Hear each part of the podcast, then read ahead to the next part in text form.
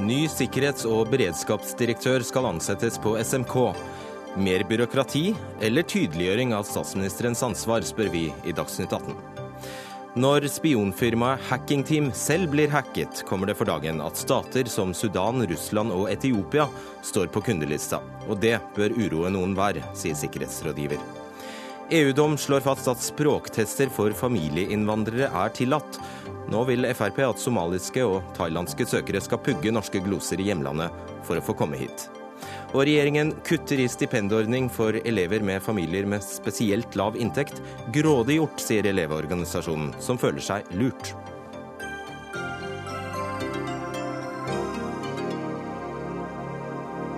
God kveld og velkommen til Dagsnytt 18. Jeg heter Fredrik Solvang. Vi skal også innom 22. juli-utstillingen som åpnet i Høyblokka i kveld. Og vi starter med en sak som har mye med det forferdelige terrorangrepet å gjøre. For i morgen er det altså fire år siden det kom for en dag at Norge feilet da det gjaldt som mest. Nå vil statsministeren utnevne en ny og egen direktør for sikkerhet og beredskap. I løpet av høsten kommer det en ny kriseorganisasjon som en egen enhet ved statsministerens kontor. Og velkommen til deg, politisk redaktør i Dagens Næringsliv, Ketil Alstheim. Vi skal snakke med deg eh, om litt. Men først skal vi til bunns i hva det VG i dag kaller Ernas sikkerhetssjef skal eh, gjøre. og Derfor har vi med oss statsråd ved statsministerens kontor og medlem av regjeringens sikkerhetsutvalg, Vidar Helgesen, på telefon er du. På hvilken måte kommer et slikt utvalg til å styrke sikkerheten og beredskapen i Norge? Eh, vi har jo et uh, sikkerhetsutvalg i regjeringen som ledes av statsministeren, og som er regjeringens organ for å diskutere og ta beslutninger i viktige graderte sikkerhets- og beredskapsspørsmål. Og det at vi nå etablerer et eget sekretariat for regjeringens sikkerhetsutvalg, så vil regjeringen eh, få bedre grunnlag for de beslutninger som regjeringen tar, og som de ansvarlige statsrådene skal gjennomføre. Og ikke minst så skal dette sekretariatet bistå i oppfølgingen av beslutningene. Formålet her er å sikre mer systematikk og raskere gjennomføring av beslutninger på sikkerhets- og beredskapsområdet. Det er viktig for denne regjeringen å styrke gjennomføringskraften i politikken og i statsforvaltningen. Og da trenger dette sekretariatet en leder, og det blir altså denne sikkerhetsdirektøren. Hvilket mandat får han eller hun? Jeg har lyst til å si at eh, Det som eh, er omtalt i mediene som en sikkerhetssjef, det blir upresist. Det er jo statsministeren og det er regjeringen som er ansvarlig for arbeidet. Og det operative sikkerhetsarbeidet skal gjøres av de ansvarlige departementene. og Der er det statsrådene som er sjefer. Og Det er en fagdirektør som skal ansettes ved statsministerens kontor, som skal lede dette sekretariatet. Og så skal sekretariatet ha en fast stab, og der skal det være tjenestemenn ikke bare fra statsministerens kontor, men fra Utenriksdepartementet, Justisdepartementet og Forsvarsdepartementet. Og dermed kommer dette ikke til å rokke ved de etablerte kommandolinjene når eh, alarmen går? Nei, det gjør det ikke. Det endrer ikke ansvarsfordelingen mellom statsministerens kontor og departementet. Men det er ment å styrke regjeringens eh, virksomhet her. Det er regjeringen som er landets øverste organ for beredskap og sikkerhetsspørsmål som et kollegium. og det er jo slik i realiteten at ansvaret starter og slutter på toppen. og Det er derfor viktig at statsministerens kontor får et, får et sterkere oppsett på dette området. Leder av justiskomiteen, Hadia Tajik fra Arbeiderpartiet, du er også med oss på telefon. Hva syns du om det du hører her? Jeg for alt som kan eh, gi Norge en eh, bedre beredskap.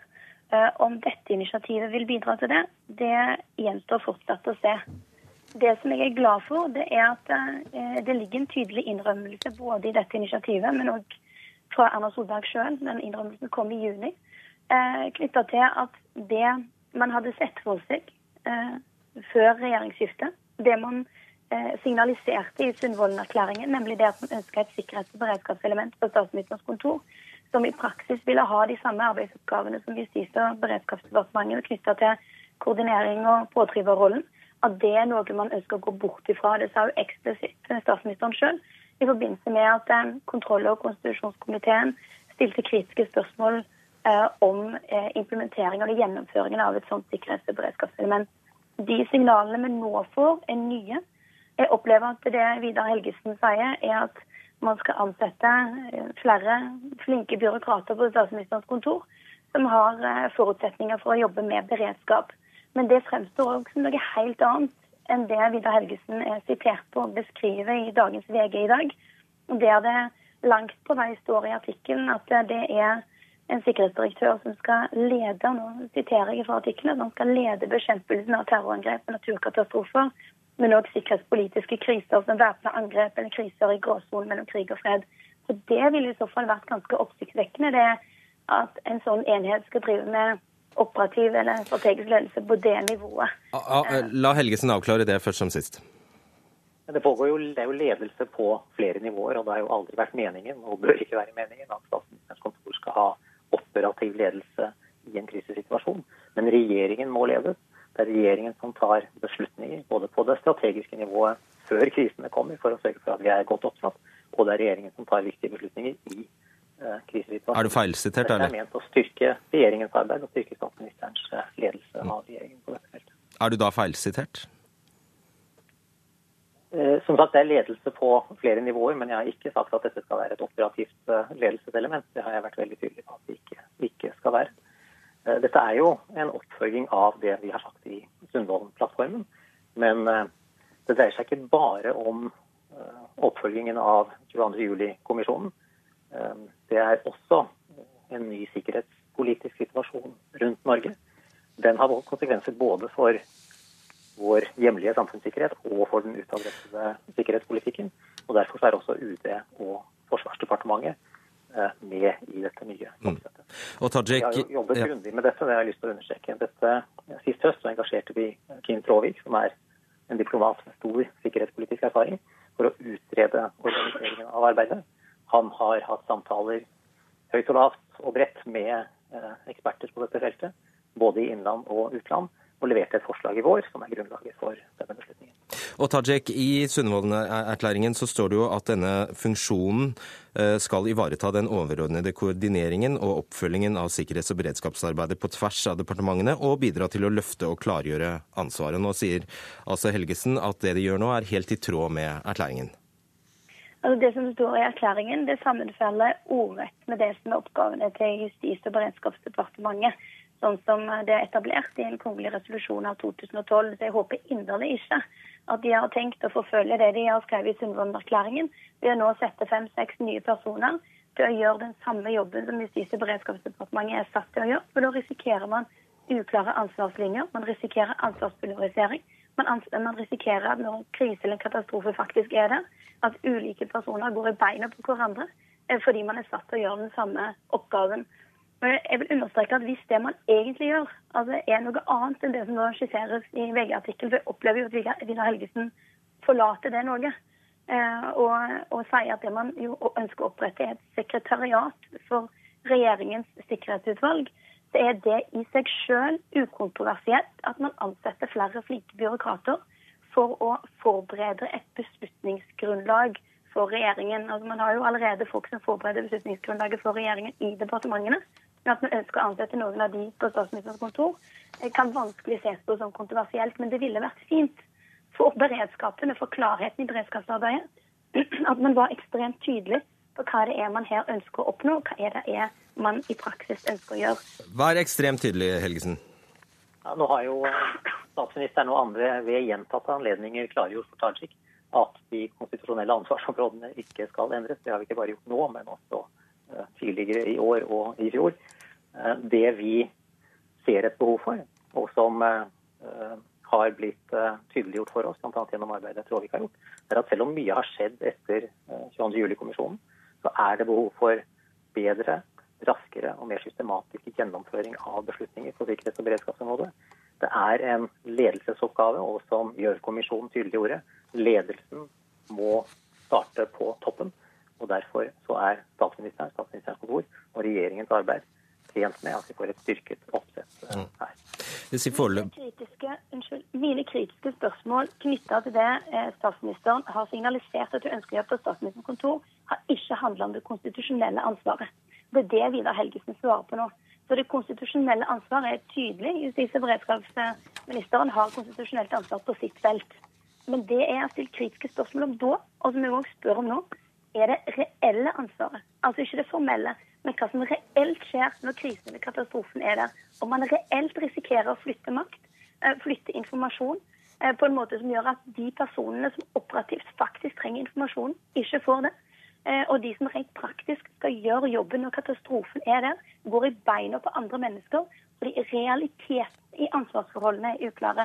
Og det er der jeg opplever at svaret til Vidar Helgesen òg ja, beveger seg i den konstitusjonelle retningen. Og det er, De svarene der er enkle, de er tydelige. Det er de reelle svarene jeg er ute etter. Ok, Vi eh, sier foreløpig takk til eh, dere der, Vidar Helgesen og Hadia Tajik. Og Ketil eh, Asheim, politisk redaktør i Dagens Næringsliv. Hva syns du om det regjeringen gjør? Det er jo en eh, oppfølging av det Erna Solberg lovte før, eh, før valget, men på en annen måte enn, enn det, i hvert fall det inntrykket hun skapte. Så det har Tajik rett i? Før valget i, i 2013 så var Erna Solberg bl.a. På, på det som ble omtalt som en statsministerskole hos David Cameron i, i London, der hun så på hvordan de har organisert sitt uh, sikkerhetsarbeid. Og noe av det hun sa, sa den, etter det besøket til NRK, var at, uh, at hun ville ha en nasjonal sikkerhetsrådgiver som jo ga et inntrykk av at hun ville ha en, mye sterkere håndtering av eh, beredskapsarbeidet fra, fra, statsministerens kontor.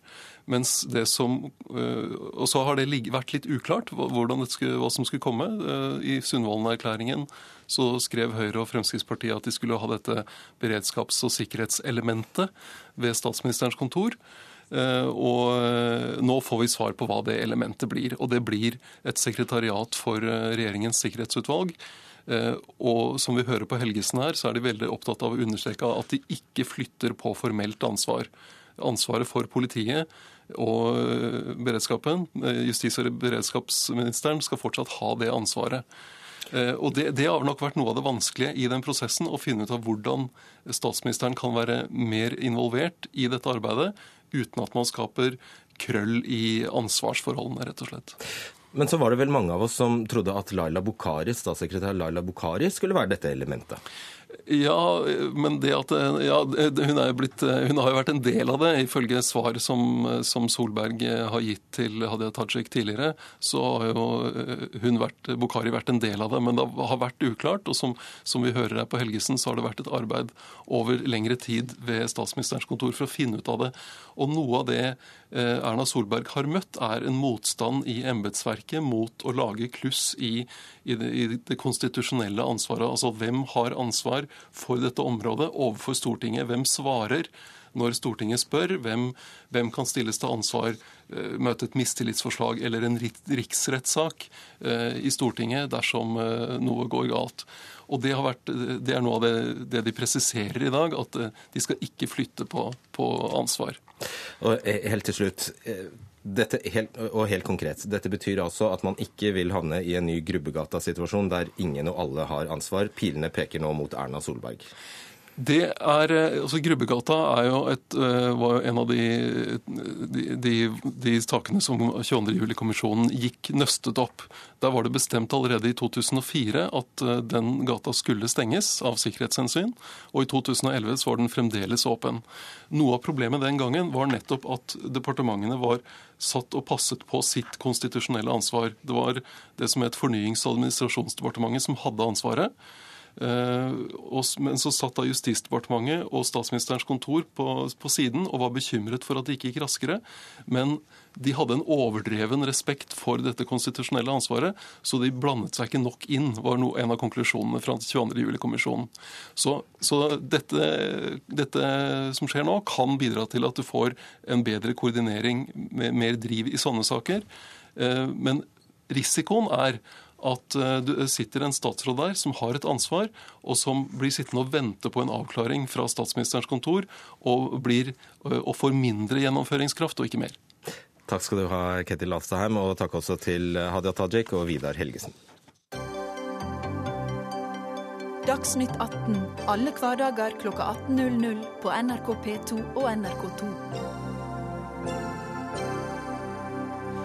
Sent i går kveld vedtok den israelske nasjonalforsamlingen Knesset at eh, stenkasting kan straffes med opptil 20 års fengsel. De israelske representantene vedtok eh, at de skulle øke straffene med 6, altså vedtok de økte straffene med 69 mot 17 stemmer. Den nye lovgivningen kommer som en reaksjon på økte palestinske protester, særlig i Øst-Jerusalem den siste tiden. Og Jørgen eh, Jensehagen, stipendiat ved NTNU. Hvorfor blir disse straffene økt? Nei, altså Her er det viktig å se på, på et, et, eh, ganske bredt bilde, egentlig. Altså, eh, spenningen i Øst-Jerusalem spesielt er veldig stor. Det er stor ulikhet mellom palestinerne som bor der, og, og generelt jødiske israelere, altså hvor investeringen staten gir. Eh, og generelt så er dette på en måte et kjernested for konflikten. Og Her har det vært mye steinkasting i protester. og så har man hatt en lang prosess for å stramme inn straffen for disse. For det har vært slik at eh, Man har ikke klart å bevise intensjon ofte, og så har man gitt da mildere stoffer enn det det er lov til å gi. Det som er spesielt med den lovgivningen, her, er at den er så eh, streng at man trenger ikke å bevise intensjon. Så Man kan få ti år i fengsel uten at noen kan si at ja, du prøvde å skade noen. Og det skal gjelde i Israel. Det gjelder altså ikke f.eks. på Vestbredden. Ja, Her kommer det litt an på definisjoner. Fordi eh, israelsk lov så er Stor-Israel del av Israel. Eh, mens i internasjonal lov, eller sånn som man gjerne ser på det, så er Øst-Jerusalem da del av det som skal bli den palestinske staten. Eh, og det kommer til å gjelde i Stor-Jerusalem. Eh, hvilket betyr at i praksis så, så, er dette litt vagt om ikke på Vestbredden. Men altså, fra en israelsk ståsted så er det bare i det de anser som Israel. Mm. Hvor mye stein kastes det? Det kastes mye stein. Det har vært tre dødsfall de siste fire årene, hvis jeg ikke tar helt feil. Eh, så, så det, er ikke, det, er ikke, noe tvil om at det er et problem. Eh, men det som er debatten, er, liksom, er, dette, er dette riktig medisin, eller er dette riktig svar på det problemet? Er det noen tvil om hvem som kaster? Ofte så er det tvil om individet som kaster. For det er store demonstrasjonsgrupper, og så blir det kastet stein. Eh, og, og med den nye lovgivningen så er det veldig lett å på en måte straffe ja, folk som har kastet stein, men som ikke har skadet noen. Men uh, det er vel ingen tvil om hvilken gruppe de tilhører? Nei, det er palestinere. Ja. Selv om det skal sies, det er masse steinkasting også på Vestbredden av de såkalte eh, altså de ekstreme settlerne. Eh, såkalt hilltop youth. Og 67 mot 17 stemmer, det er altså et ganske kraftig flertall i Knesset? Ja, det er et stort flertall. Det betyr også at eh, Sionistunionen, som man jo så på som på en måte den moderate kraften i valget, har stemt for dette. Mm. Øyvind Sagedal, fungerende leder av Palestina-komiteen, med oss eh, fra studio på Lillehammer. Hvordan reagerer du på denne lovgivningen? Nei, Jeg syns jo at det er bortenfor alt med en strafferamme på 20 år for å kaste stein. Det, det, er jo ikke mening i en sånn lovgivning. Hvorfor ikke? Nei, men det, det er jo ikke noe sammenheng i det forholdet å kaste stein og det å kunne risikere 20 års fengsel. Ja, men Hvis det kan få slutt på steinkastingen? Eh, det får ikke slutt på steinkastingen, det tror jeg ikke. Det som kan få slutt på steinkastingen, det er å oppheve okkupasjonen av eh, Vestbredden og Gaza, eh, og, derigjennom også Øst-Jerusalem. Hans Fredrik Grøvan, er du, du, er leder av Israels venner på Stortinget og stortingsrepresentant for KrF. Dette er jo uproporsjonalt? Det er klart at eh, steinkasting eh, kan høres veldig uskyldig ut, eh, men som det ble sagt av forskeren her, så er det klart at i mange tilfeller så er steinkasting forbundet med, med terror. Og Hvis en ser den situasjonen som sivile mennesker i Midtøsten opplever i disse dager, med et ISIL som er på fremmarsj, terroriserer, dreper, myrder, et ISIL som også etter hvert har fått fotfeste på Gaza, nærmeste nabo til Israel, vi har de i Syria, så skjønner vi at eh, angrep på sivilbefolkningen i Israel er blitt et stort problem. Eh, og Det er også bakgrunnsteppet eh, for den diskusjonen som Knesset eh, har hatt på akkurat dette området. Og Når du sier sivile, bare avklar det først som sist. Når du sier sivile, inkluderer du da f.eks. nybyggere? Ja da, det er helt klart at eh, det vil også være innenfor den kategorien. Hva tenker du om det, Sagedal? Ja, altså Nybyggerne i koloniene på Vestbredden de eier der ulovlig. Eh, Så da, da, er det greit å kaste seg på det? Altså, eh, altså, De er der ulovlig, og det er lov for den befolkninga som er okkupert, å reagere og gjøre motstand mot okkupasjonen. Og eh, koloniene på Vestbredden de er en del av okkupasjonsstrategien til Israel.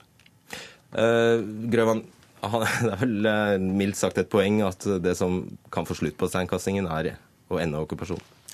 Det er klart at eh, vi hadde ønska større fremgang i de fredsforhandlingene som eh, burde ha skjedd. Dessverre så er vi ikke kommet lenger enn det som er i dag. Samtidig så handler også dette noe om holdninger. Hva er det vi skal si ja til av tiltak? Eh, I dette tilfellet her så har vi f.eks. i dag fått en rapport fra Palestinian Media Watch Eh, som nettopp understreker problemet med forherligelse av terrorister på palestinsk side. Eh, de blir hedra, skoler får navn etter terrorister, som gjør at vi også har en jobb å gjøre både gjennom lovverk og gjennom holdningsskapende arbeid. Og Derfor så må vi ha en forståelse av bakgrunnen for den debatten som nå pågår i Israel, eh, i større grad enn akkurat dette som ble nevnt nå. Jens Haugen, kan du bare oppklare en sak for oss. Er det det militære eller sivile som primært uh, rammes av denne steinen? Eh, det er, det er, først og fremst mot politiet og, og, og militæret.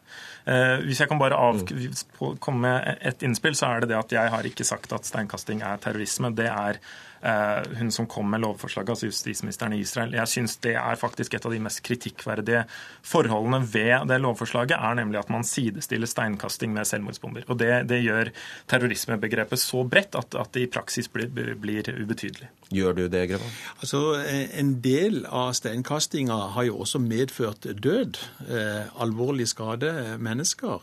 Eh, og det er klart at det er vanskelig å gjøre den avgrensninga veldig konsis og tydelig og skarp. Så helt klart en del av steinkastinga vil eh, falle inn under eh, terrorismebegrepet, og så vil det nok være noe som vil være, falle inn under andre kategorier. Men når døden blir følgen av steinkasting, da er det alvorlig.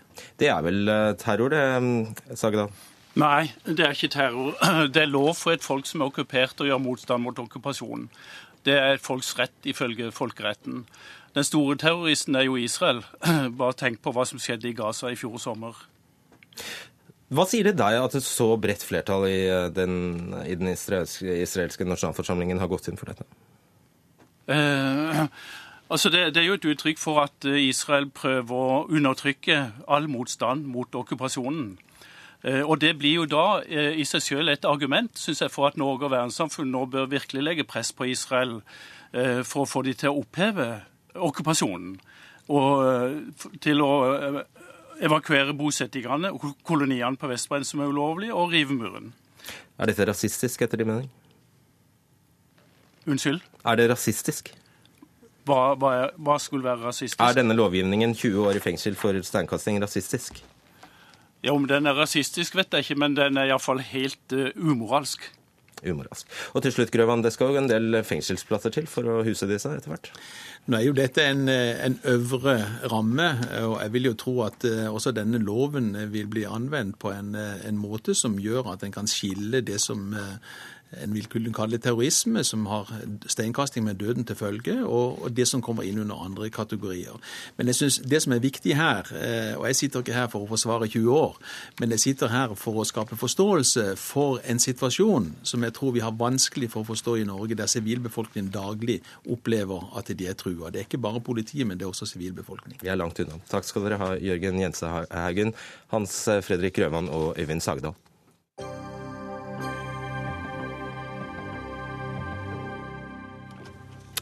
Det italienske spionfirmaet Hacking Team har blitt avslørt i å selge overvåkningstjenester til brutale regimer. FN og flere menneskerettighetsorganisasjoner eh, har kritisert firmaet eh, for å selge tjenester til regimer som aktivt bruker programvaren for å overvåke journalister, dissidenter og andre kritiske stemmer i samfunnet. Og nå skal det omstridte hackingfirmaet ironisk nok selv ha blitt utsatt for et eh, hackerangrep. Stein Møllerhaug, sikkerhetsrådgiver i Digital bevisanalyse AS. Du sier dette er en helt unik hendelse? Altså, Den er unik, for nå får vi jo altså dokumentert hva disse firmaene gjør. Men vi har jo i sikkerhetsbransjen lenge antatt at det er den eh, type virksomhet de har drevet med. Og hva er det de gjør? Det de gjør, er at de lager verktøy som kan brukes til godt og til vondt. De lager eh, som en pistol. Hvis du er på den trygge enden av den, så anser du det som et gode. Og er du på den farlige enden av den, så anser du det som et onde. Og Det som skiller eh, mellom seriøse og mindre seriøse aktører her, Det er jo etikken som de legger til grunn for hvordan de ønsker å bruke disse verktøyene. Hvordan da? Det er ikke noe forskjell på en sikkerhetskonsulent og en hacker, egentlig. De skal sitte på de samme eh, kunnskapene. Men eh, det er altså et valg de enkelte tar, om du vil ha en hvit hatt på hodet, eller om du vil ha en svart hatt på hodet. Kunne du ha gjort det? da? Jeg sitter på kunnskap, så på innen enkelte områder så kunne jeg gjort det, ja. Men jeg har igjen valgt å ikke gjøre det. Og eh, dette Hacking Team, da, eh, selskapet, bedyrer jo selv at de, de har bedyrt at de, de, har ikke solgt eh, sine tjenester til eh, fæle regimer, f.eks. Ja, Det påstår de, og hvis det som da er kommet ut fra denne hackingoperasjonen er riktig, så er det jo, for å si det på godt norsk, tatt med buksa svært langt nede. Det viste seg å være løgn, fordi de har altså solgt overvåkningsløsninger til regimer som eh, Tyrkia, Egypt, Bahrain, Russland, Usbekistan, Kasakhstan, Sudan og Etiopia. Det er eh, korrekt ut fra den informasjonen som er kommet ut. Og det er interessant også at de blir spurt ut av FN om de har business med Sudan. Mm. Og da svarer de at eh, de har ikke noen nåværende business med Sudan. Og nekter å svare på spørsmålet om de har tidligere hatt business med Sudan. Nå kommer det da ut at de har faktisk hatt det. De har det. Hva slags programvare er det de lager? Nei, dette er en programvare som gjør det mulig å trenge seg inn på menneskers datamaskiner. Det er rett og slett hacking-programvare. Som for så vidt er det samme programvare som du bruker ved sikkerhetstesting, men da bruker du det på en annen måte. Da bruker du med tillatelsen fra de som eier systemet. Og da er det sånn at uh, denne programvaren uh, opererer altså på maskinen din. For eksempel, det kan også f.eks. skru på webkamera, på en mikrofon uten at du aner det. Og så uh, opererer det på maskinen din før disse dataene sendes ut på nettet. Det er korrekt. og Hvis du da krypterer dette her f.eks. For, for å holde det hemmelig, så opererer dette før du har kryptert det. Og dermed så er du i stand til å bryte det som måtte være av sikkerhetstiltak der. Og dermed er ingen beskyttet? Dermed er ingen beskyttet, men eh, nå skal det jo også legges til grunn at det, det de bruker, er altså programmeringsfeil i operativsystemet f.eks. Og eh, de senere oppdateringene har jo nå dekket en del av de hullene som de har benyttet tidligere. Og det gjør de for å komme seg inn og bak? Ja, da kommer de seg inn og bak. Og når de først er inn og bak, så kan de gjøre nesten hva de vil. Uansett. Og en kjent programvare som Adobe ja. hadde et sånt hull? Adobe har hatt et hull. Og Java har hatt et hull. Og ja, Microsoft eh, sender jo ut hver uke fikser på sikkerhetshull. Torgeir Waterhouse, du er direktør for internett og nye medier i IKT Norge. og Du har sagt at tilliten til hele det teknologiske systemet kan stå for fall med denne hendelsen. Hvorfor det? Ja, altså, årsaken til det er jo at eh, vi legger en stor del av tillit inn i vår samfunnsstruktur og hvordan vi organiserer samfunnet vårt og utvikling av offentlig sektor, utvikling av næringsliv osv. Og når vi har aktører som Hacking Team som eh, så til de grader setter all etikk til side og tillater de regimene de tar sterkest avstand fra, og til og med har solgt systemene sine til private aktører, så, så, betyr det at det vi trodde vi kunne stole på, er vi ikke så sikre lenger.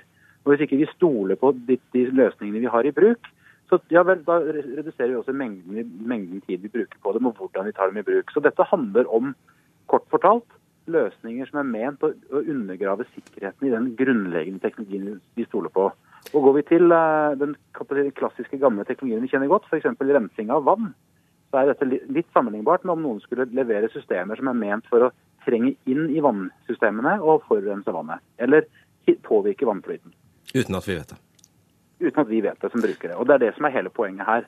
Og Det er også viktig å være klar over at disse løsningene er jo ikke bare laget for å kunne ramme noen spesifikke individer. Hvis man først har tilgang på slike løsninger og kan utnytte sikkerhetsfeil, ja, da kan man ramme absolutt alle som bruker løsningene. La oss si at FBI sto på kundelista her og hadde kjøpt tjenester fra hacking-team. Og så bestemmer FBI seg for at eh, nei, vi har ikke bruk for disse tjenestene lenger. Eh, hva skulle tilsi at Hacking Team ikke gjorde seg bruk av den kunnskapen de hadde ervervet seg? Ja, Det er jo, altså, det er jo to, to, nivåer her. Det ene er om, om hackingteam gjør jobben for oppdragsgiver og får tilgang til dataene selv. Noe annet er om de selger programvare til noen som selv tar det i bruk. Det ble brukt eksempel med pistol her, og det er jo ikke pistolprodusentene som normalt går rundt og peker på folk, det er de som kjøper pistolen og tar den med seg. Så i utgangspunktet har nok kundene til Hacking Team fått programvaren levert og tatt i bruk for å, for å overvåke eller plage individer de ønsker å, å følge tettere med. Og da, melder her, Hvor stor makt har et sånt selskap som Hacking Team? Ja, De får jo da svært stor makt, men vi skal jo huske på at det er jo nasjoner som også bedriver akkurat det samme som Hacking Team bedriver. og som har satt dette her i system. Det er bl.a. sterke indikasjoner på at man har lignende aktiviteter i Kina, at man har lignende aktiviteter i Nord-Korea. Og dette her er et maktverktøy. Men det er også en interessant ting å se i pressemeldingen som Hacking Team sendte ut etter dette her. Da står det at eh, de har innebygget funksjonalitet i denne programvaren som gjør at de kan fjernstyre den på en sånn måte at de setter den ut av spill. Det betyr at hackingteam i realiteten sitter med makt inn i en rekke av etterretnings- og politiorganisasjonene i verden, og kan faktisk altså ta fra dem en god del av verktøyet de bruker, sånn nærmest bare på impuls. Og da kan vi forstå dimensjonene i dette. Takk skal dere ha, Stein Møllerhaug og Torgeir Waterhouse.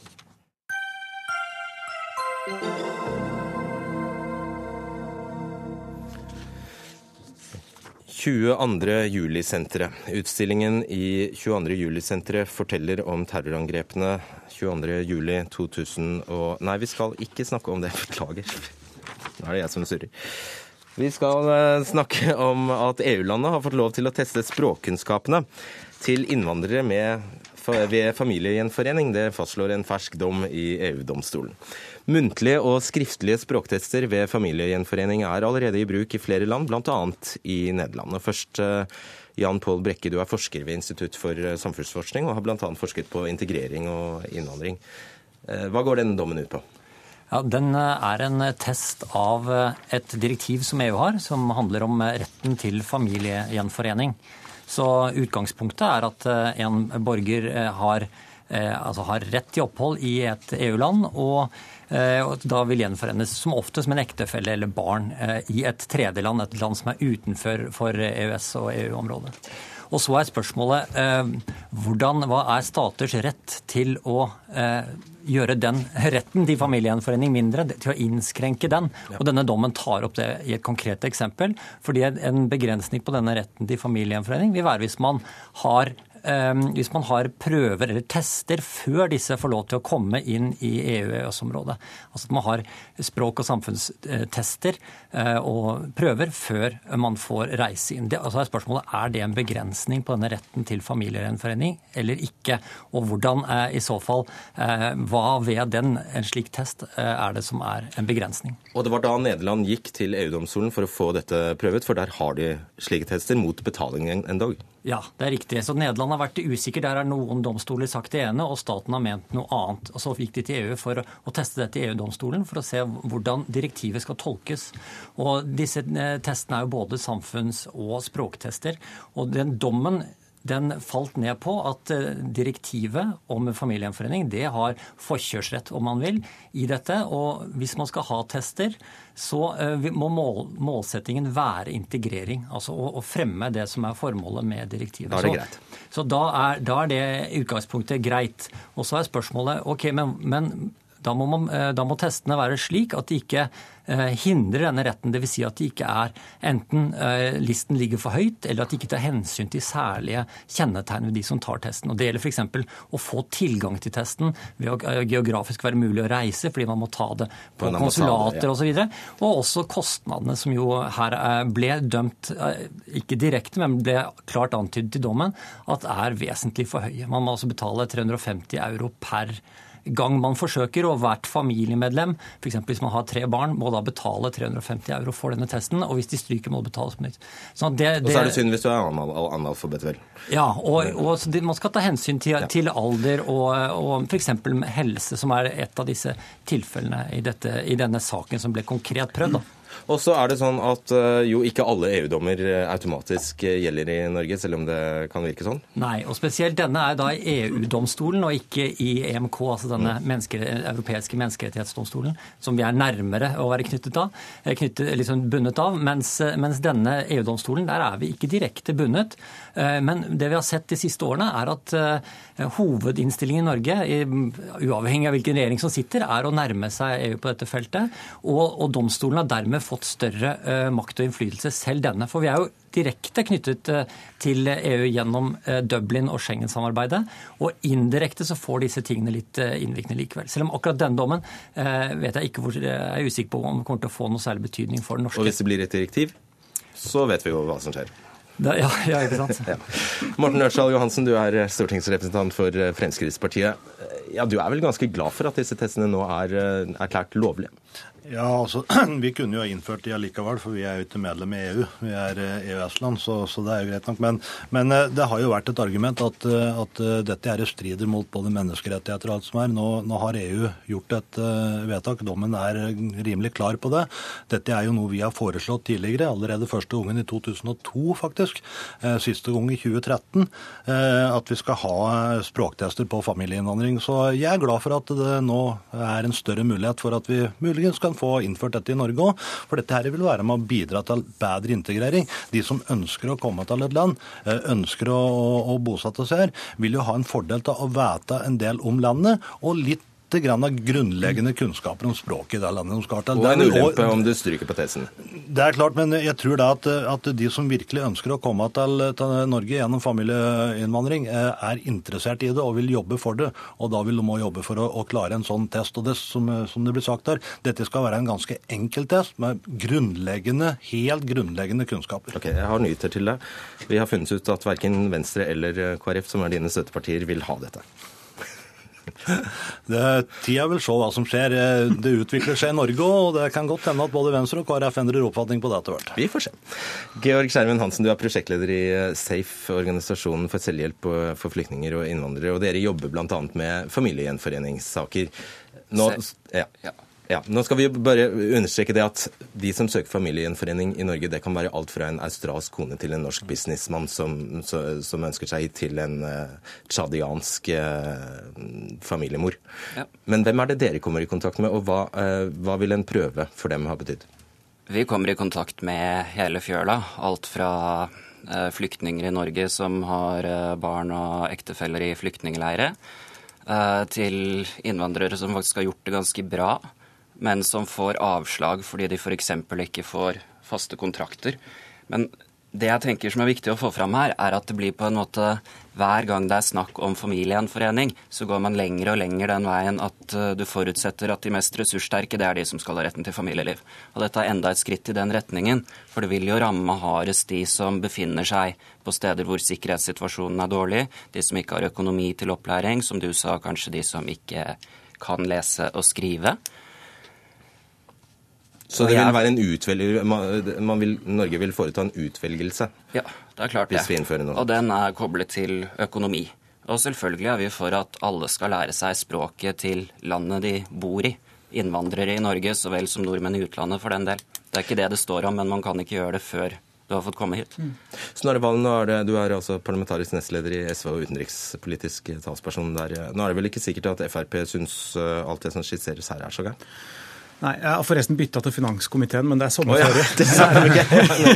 Der får du ha unnskyld. Ja. Nei, jeg, jeg synes forslaget er litt litt useriøst. og Det at Nederland har gjort det til politikk, hjelper ikke på det faktum at jeg syns det er litt useriøst. Og Det er fordi det åpenbart er en siling av hva slags mennesker man vil ha inn på gjenforening.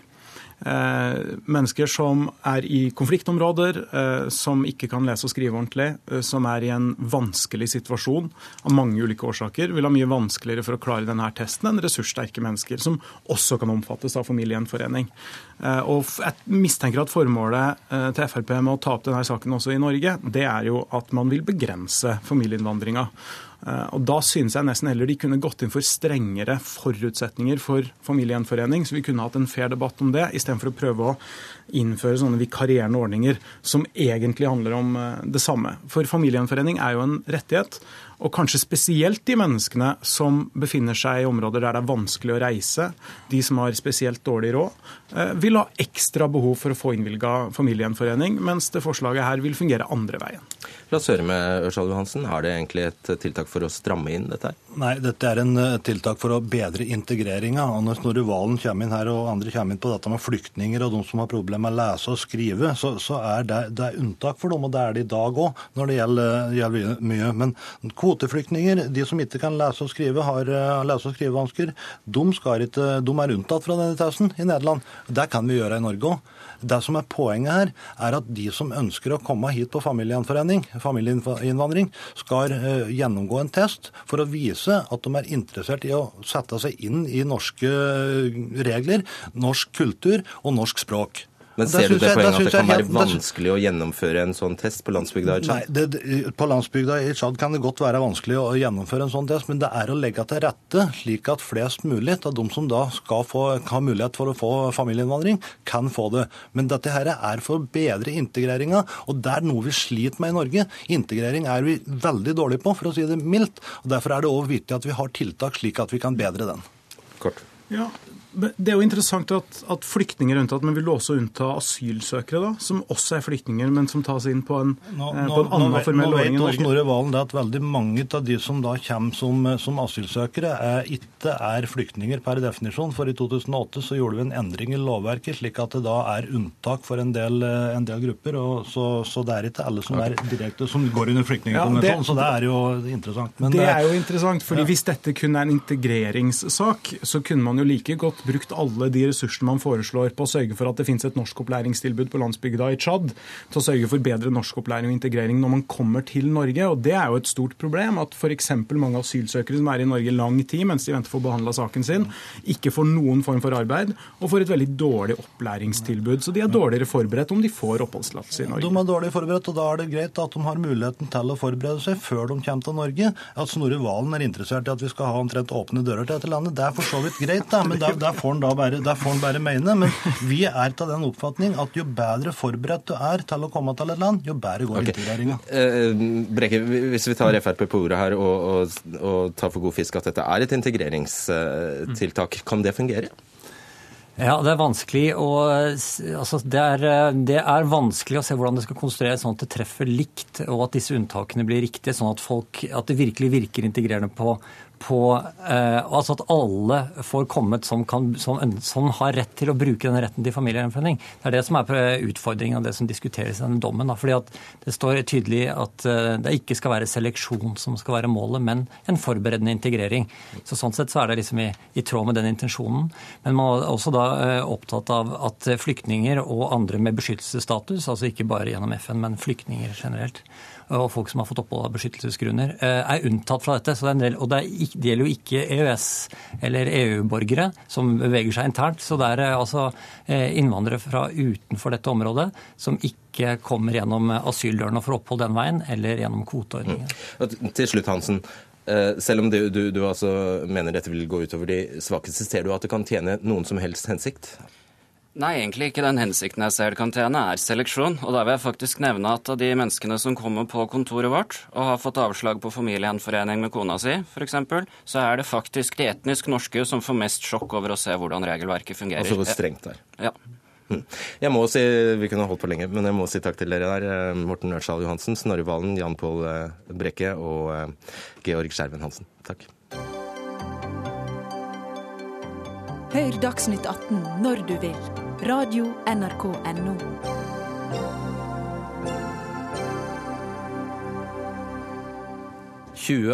Juli-senteret. Utstillingen i 22. juli-senteret forteller om terrorangrepene 22.07.2011 og hvordan samfunnet har håndtert det i ettertid.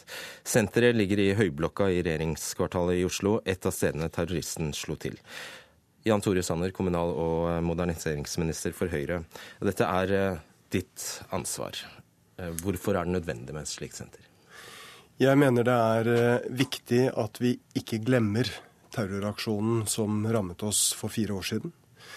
Det var mennesker på, på jobb for Norge i regjeringskvartalet som mistet livet. Det var unge mennesker på Utøya. Altfor alt, alt for mange. Eh, det er mange mennesker som fortsatt eh, selvsagt bærer på den tunge sorgen. Eh, og terroraksjonen var også et angrep på viktige verdier i vårt demokratiske land. Det var et angrep på den åpenhet vi ønsker. Initiativet til å etablere 22. juli-senteret det kom i fjor høst fra støttegruppen og fra, fra AUF. Og det var ikke vanskelig for regjeringen å si at dette gjør vi. 22. juli vekker fortsatt sterke følelser mye debatt. Vi ønsker at 22.07-senteret skal være et sted for læring eh, og for refleksjon. Og Nå er det jo ikke enda avklart eh, hva Høyblokka skal brukes eh, til, men dette er en permanent utstilling? Utstillingen står i hvert fall i, i, i fem år. Mm. Og vi håper at mange unge mennesker kommer. Vi lager et eget undervisningsopplegg for skoler, for ungdom. Det er, for, for unge mennesker i dag så kan 22.07 virke veldig langt tilbake. Det er viktig at vi reflekterer igjennom det som det som skjedde for fire år siden, hva det betyr i dag, og hva ekstreme holdninger i ytterste konsekvens kan, kan føre til. Man går ikke uberørt eh, fra 22. juli-senteret. Ja, Det har jeg skjønt, og dere ser begge veldig preget ut, må jeg si. Agnes Moxnes, du er kulturkommentator her i NRK og har vært der. På hvilken måte gjør den inntrykk?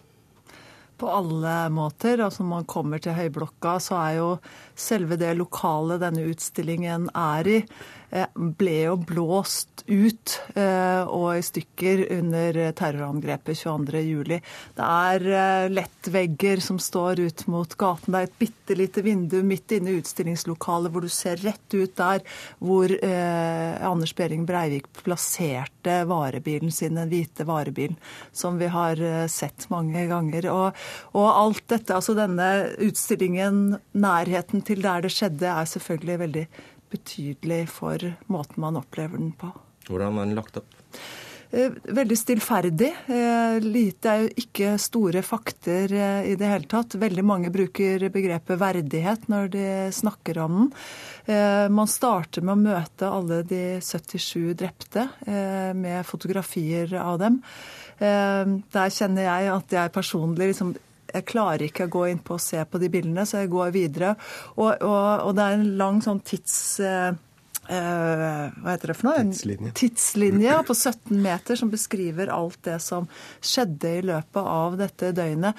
Og der er det nok nesten de aller enkleste meldingene og, og innsiktene som formidles, som gjør sterkest inntrykk. Det blir ikke for snilt, da? Det er vanskelig å si at dette blir for snilt, fordi at i denne roen og verdigheten som denne utstillingen er preget av, så er det jo en helt eh, et, et voldsomt beskrivelse av hva terror fører til. Og det er vel det denne utstillingen er tenkt at den skal. Den skal, ønsker at vi skal huske, og at man skal lære av det som, som skjedde. Lærer vi om terroristen her, og det han sto for? Nei, men man lærer om konsekvensene eh, av eh, ekstreme holdninger og hva hat kan, kan, føre, kan føre, til. Dette er historien om de menneskene som, som mistet, mistet, livet. Eh, det er historien også om de familiene som fortsatt, som fortsatt lider. Eh, på denne tidslinjen så kan man lese Twitter-meldinger fra storesøstre som hadde søsken på, på, på, Utøya. Det er klart at det gjør et veldig sterkt, sterkt inntrykk.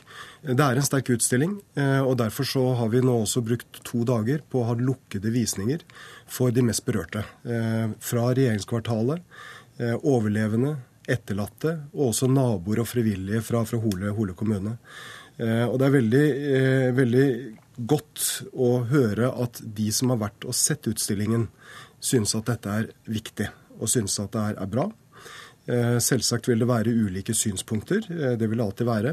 Eh, men det, som, det, man opplever når man kommer til senteret, det er først og fremst en, en ærlig fremstilling av hva som skjedde den dagen. Og så må man gjøre sine egne refleksjoner om, om hva, dette, hva dette betyr. Kommer det da fram hvem som sviktet, f.eks.? Ja, det gjør det. Og det er vel altså, Jeg eh, opplever at, dette, at de har litt av det samme mandatet som 22.07-kommisjonen eh, hadde. At her skal det frem. Og, og en av de eh, tingene som gjør, gjorde mest inntrykk på meg, det er den lille meldingen som blir sendt 15.35, altså fem over halv tre, de ti minutter etter eksplosjonen, fra en forbipasserende som ringer nødsentralen til politiet og sier at han har sett en mann i en slik og sånn eh, uniform, og han oppgir eh, registreringsnummeret på bilen. Og du vet det, at hvis det hadde blitt oppfattet og tolket og lest, så ville resten av tidslinjen kunne blitt fjernet. Så dette er altså et ledd i eh, filosofien rundt åpenheten? Det er riktig. Det var åpenhet som ble en av de verdiene som ble utfordret for fire år siden. Eh, både den forrige regjeringen og vi er opptatt av at vi skal markere åpenhet som en viktig verdi i, i Norge. Og når vi nå åpner 22. juli-senteret, så er det i den, den ånden. Eh, og Her vil det være mulig å besøke utstillingen, eller man kan la være. Eh, man kan se deler av den, eller se, se hele. Eh, og det vil da også være et, et, rom i tilknytning til senteret, hvor det kan være diskusjoner, hvor det kan være debatter, hvor det kan være konferanser. Og kanskje spesielt for, for ungdoms, ungdoms, ungdommer som har vært på, på, besøk, og som har behov for å reflektere litt i, i ettertid og diskutere hva de faktisk har opplevd. Og det har jo, som du forutså, allerede kommet eh, noe kritikk. Eh, advokat Jon Christian Elden mener gjerningsmannens utstyr burde vært utelatt, f.eks. Ja, og det var en twittermelding som ble sendt i forrige uke, eh, før noen hadde sett, sett utstillingen. Vi så i forrige uke at det var en debatt basert på, basert på formeninger om hva utstillingen skulle vise, uten at de hadde sett den. Eh, så har jeg stor respekt eh, for at det er ulike synspunkter eh, på er det riktig, er tiden inne, hva man viser, hva man ikke, ikke viser. Men Vårt inntrykk etter å ha hatt besøk både av presse i dag og mange av de nærmest berørte, det er at tilbakemeldingen er at ja, dette er tøft, men det er riktig å gjøre det. Men Jon Kristian Ellen pekte jo på et, et, et vanskelig Eh, en utfordring for en sånn utstilling. fordi at den våpenkassen er jo blitt tatt ut av utstillingen. Og jeg vil tro at, at selv om man, man, følte seg litt frem, så er det pga. Av, av eh, nettopp en slik kritikk. For det er, ville være sterk kost. Det er sterk eh, nok kost som det er. Hvem er det da som ikke bør besøke utstillingen? Nei, Det er ikke vanskelig å skjønne at mange ikke har lyst til å gå på den utstillingen. Det er, skjønner, det er fire år siden 2011. Eh, det er veldig mange åpne sår fortsatt. Så, så det har jeg full forståelse for. La meg bare legge til at eh, Vi har også hatt et nært samarbeid eh, med 9-11 Memorial i New York. Eh, Cliff Channon, som eh, har vært eh, på besøk i dag. Og de har gitt mange råd underveis. Og det er et meget dyktig, dyktig fagfolk fra NTNU som har hatt det faglige ansvaret for, for utredningen, eller for, for senteret. Så dette er godt arbeid, og det er saklig og, og presist. Og det kommer til å bli viktig sted for, for læring for fremtiden. Og de som da har lyst og anledning til å se det, kan gå til Høyblokka fra i morgen klokka 14? Fra i morgen klokken 14 så vil den være, være åpen, og den kommer til å være åpen hver dag. Eh, I, i hvert fall i, nå i fem år, fem år. Takk skal dere ha, Jan Tore Sanner og Agnes Moxnes.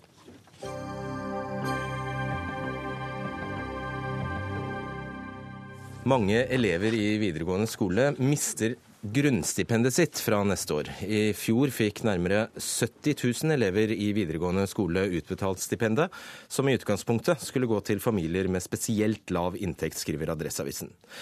Regjeringen foretar nå et stort kutt i ordningen. Med de nye reglene som foreslås i statsbudsjettet, vil antallet elever som får stipendet bli redusert til i underkant av 22 000. Og leder i Elevorganisasjonen, Kristoffer Hansen, dere støtter delvis denne innstrammingen, men altså bare delvis? Eh, ja, det er litt teknisk, kan du si. Ja. Nei, altså, For i fjor så var det, som programlederen her sier, for mange som fikk dette stipendet. Det var folk som ikke trengte det, som fikk mange tusen i måneden, og de sa hva skal vi med det? Så da så gjorde man en behovsprøving som det var bred politisk enighet om. Alle skulle alle skulle støtte denne behovsprøvinga. Fordi alle skjønner at det er noe galt når fire av ti får? Ikke sant, og det blir for mange. Det som imidlertid da har skjedd, er at Kunnskapsdepartementet har blitt litt for grådig, de har blitt litt ivrig i sin kuttpolitikk. Og da ser vi da forrige uke at elever nå må droppe ut av skolen fordi de ikke har råd. Altså Man har rett og slett blitt for grådig, tatt for mye for å kutte millioner. Og nå har ikke elever råd til å gå på skolen lenger, og de må da droppe ut. Og da skjønner vi Adresseavisa skrev jo denne saken om en elev som nå eh, mista sitt grunnstipend. og sa at nå måtte ja, han slutte. Det var én elev. Har du flere eksempler? Ja, vi har også flere eksempler som har gjort det samme. Og det kommer flere saker på det. Så det går fint, det. Greit. Kunnskapsminister Torbjørn Røe Isaksen hadde ikke mulighet til å være med i Dagsnytt 18 i dag, men det hadde du. Kristian Tonning Riise, du er leder i Unge Høyre. Uh, ja, hvorfor en innstramming av dette grunnstipendet? Det var jo åpenbart behov for en innstramming, og det er det som det også blir sagt herfra, vært eh, bred politisk enighet om. og Det er jo fordi at eh, grunnstipendet hadde jo blitt et sånt nesten generelt forbruksstipend for ganske mange elever. Det var 40% av elevene som mottok eh, grunnstipend i fjor. og Hensikten har jo alltid vært at det skulle være et, et stipend til de elevene som kommer fra familier med svakest stilt økonomi. Nå har man da gjort en innstramming i omfanget og mange som får stipendet, men det er jo samtidig de som da trenger det aller mest, og som, eh, og som eh, virkelig kommer fra en trange økonomiske kår. De får da inntil 10 000 kroner mer i året, fordi at de har økt den maksimale rammen du kan få i løpet av et år. Samtidig sammenlagt så bruker altså regjeringen mindre penger ja, det er sant. stipendet? Så sammenlagt så brukes, det, så brukes det mindre penger, og det var helt nødvendig. fordi at det var aldri meningen at dette her skulle være en så omfangsrik ordning som det hadde blitt. Det var meningen å være en målrettet ordning mot de som trenger det mest. Nå er det ca. 10-12% tror jeg det var, av elevene som mottar grunnstipend. Og jeg synes i hvert fall Det høres ut som en mye mer rimelig anslag på hvor man kan si at kommer fra en vanskeligstilt økonomisk familie. Jeg tror, ikke det er, jeg tror ikke det er veldig mange flere enn én av ti elever i Norge som du kan si at kommer fra de familiene med aller svakest økonomi. Men, men, men jeg må spørre, Når du leser saken i Adresseavisen om den eleven som bor hjemmefra, han har begge foreldrene hans går på Nav, og han får et bostipend og et grunnstipend. Nå når han mister sitt grunnstipend, så mottar han 40 000 i året, og det sier seg selv at han ikke har råd til da å bo midt i Trondheim sentrum og droppe ut av skolen. Ser ikke du også da at han trenger det grunnstipendet? Hvis jeg så to ting. Det første jeg så, var at jeg var et medlem av AUF, som benyttet anledningen til å, til å angripe regjeringen. Men det andre, jeg så, det andre jeg så, var jo at, var jo at altså her har du I utgangspunktet så er det sånn at hvis du går på videregående skole i Norge, så er det gratis. Du har også gratis læremidler, du har gratis skolebøker, så det skal jo egentlig ikke være behov for å få støtte for å klare å gå på videregående skole. Hvis du er, må bo på hybel, så får du borteboerstipend, du får også utstyrsstipend for å kjøpe de andre tingene du trenger. Så det er jo ikke sånn at det skal koste noe egentlig å gå på videregående skole. Men så har vi da et grunnstipend i tillegg, som er et omfordelingsstipend til de elevene som kommer fra familier med så svak økonomi at de kanskje ikke har muligheter til å, til å kjøpe seg noe særlig klær i det hele tatt, kanskje delta på fritidsaktiviteter og altså den type ting som andre elever har. Men det har aldri vært meningen at dette skulle være et forbruksstipend til en ganske veldig stor andel elever. Det har alltid vært meningen at dette her skulle være et behovsprøvd stipend for den, de elevene som trenger det aller mest. Og det har det blitt nå. Og de som trenger det aller mest, får nå 10 000 kroner mer i året med den omleggingen som regjeringen har gjort. 270 millioner kroner var det regjeringa tjente på å kutte i stipendet her. Og vi er helt enig i at de som ikke trengte det, de skulle ikke lenger få det. Kunnskapsministeren lova at de som fortsatt trengte det, de skulle få det. Det ser vi nå at han ikke har klart å oppfylle.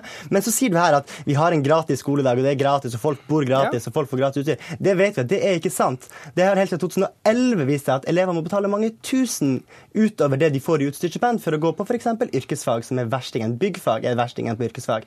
Og da kan dere ikke sitte der og tjene 270 millioner på å kutte i ett stipend uten å gjøre noe med det stipendet som knapt har vært kronejustert siden den rød-grønne regjeringen. Da burde kanskje sett på noe med nettopp utstyrsstipendet yes. på yrkesfag. Det kunne vi godt, det kunne godt være med på om vi skulle bruke, bruke, noe mer penger på det. Men det er jo noe annet enn å si at vi nå skal gjøre endringer i grunnstipendet, som gjør at en gratis, veldig mye større andel skal, ja, okay. skal, få det. Det er ikke sånn at de grensene er skrevet i stein, men jeg syns det er en mye rimeligere andel at 10-12% av norske skoleelever eh, får grunnstipend og regnes som altså, svakere stilt økonomisk enn at det skal være 40% sånn som det var før. Det var åpenbart en ganske urimelig ordning. Og nå er det du som har fått den utakknemlige jobben med å forsvare dette, men Hansen, det er faktisk slik at et så godt som samstemt storting ønsker denne endringen. Bare Senterpartiet som ikke vil ha den. Ja, ja og, og, derfor er jo ikke dette et angrep mot Høyre eller regjeringa. Det er jo vel så mye Arbeiderpartiet eller Sosialistisk Venstreparti som har stått bak dette her. Poenget var at man hadde bred politisk enighet i fjor høst, og, og vi er alle enige, vi er fortsatt enige om det prinsippet. ikke sant? 40% var for mange. Men så har man blitt for ivrig, man har blitt for grådig. Og det ser jeg jo også i Adresseavisa i går, at kunnskapsministeren åpner for at denne ordninga skal evalueres. Og da håper jeg jo at dere også er så ærlige politikere og innser at man har gjort en feil her, man har blitt litt for grådig, og at man da kan slekke litt opp igjen, sånn at også elever som Jonas kan fullføre videregående. Dere kan angre det? Nei, altså jeg, sier, jeg, sier også at det ikke er sånn at nivået her er skrevet i stein. Men det, når du snakker om yrkesfagelever som ikke har råd til å kjøpe utstyr, syns jeg det er mye bedre å øke det utstyrsstipendet for yrkesfagelever enn å øke grunnstipendet enda mer. Og det har vi vært innom. Og derfor må jeg si takk, takk til dere, Kristoffer Hansen og Christian Tonning Riise. Da gjenstår det bare å si at ansvarlig for denne Dagsnytt 18-sendingen var Ingebjørg Sæbø. I studio var Fredrik Solvang, og i teknikken Frode Thorshaug.